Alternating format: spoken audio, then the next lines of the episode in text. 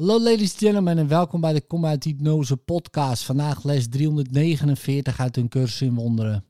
Vandaag laat ik de visie van Christus voor mij naar alles kijken en ik beoordeel het niet, maar schenk in plaats daarvan alles een wonder van liefde. Zo wil ik alle dingen die ik zie bevrijden en ze de vrijheid geven die ik zoek. Want zo gehoorzaam ik de wet van de liefde en geef ik wat ik wil vinden en tot het mijne maken wil. Het zal mij gegeven worden, omdat ik dat gekozen heb als het geschenk dat ik wens te geven. Vader, uw geschenken zijn de mijne. Elk dat ik aanvaard geeft me een wonder om weg te geven. En door te geven zoals ik ontvangen wil, leer ik dat uw genezende wonderen mij toebehoren. Onze Vader kent onze behoeften.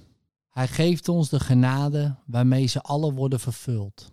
En zo vertrouwen we op Hem om ons wonderen te zenden, om daarmee de wereld te zegenen en onze denkgeest te genezen terwijl we terugkeren naar Hem. In liefde, tot morgen.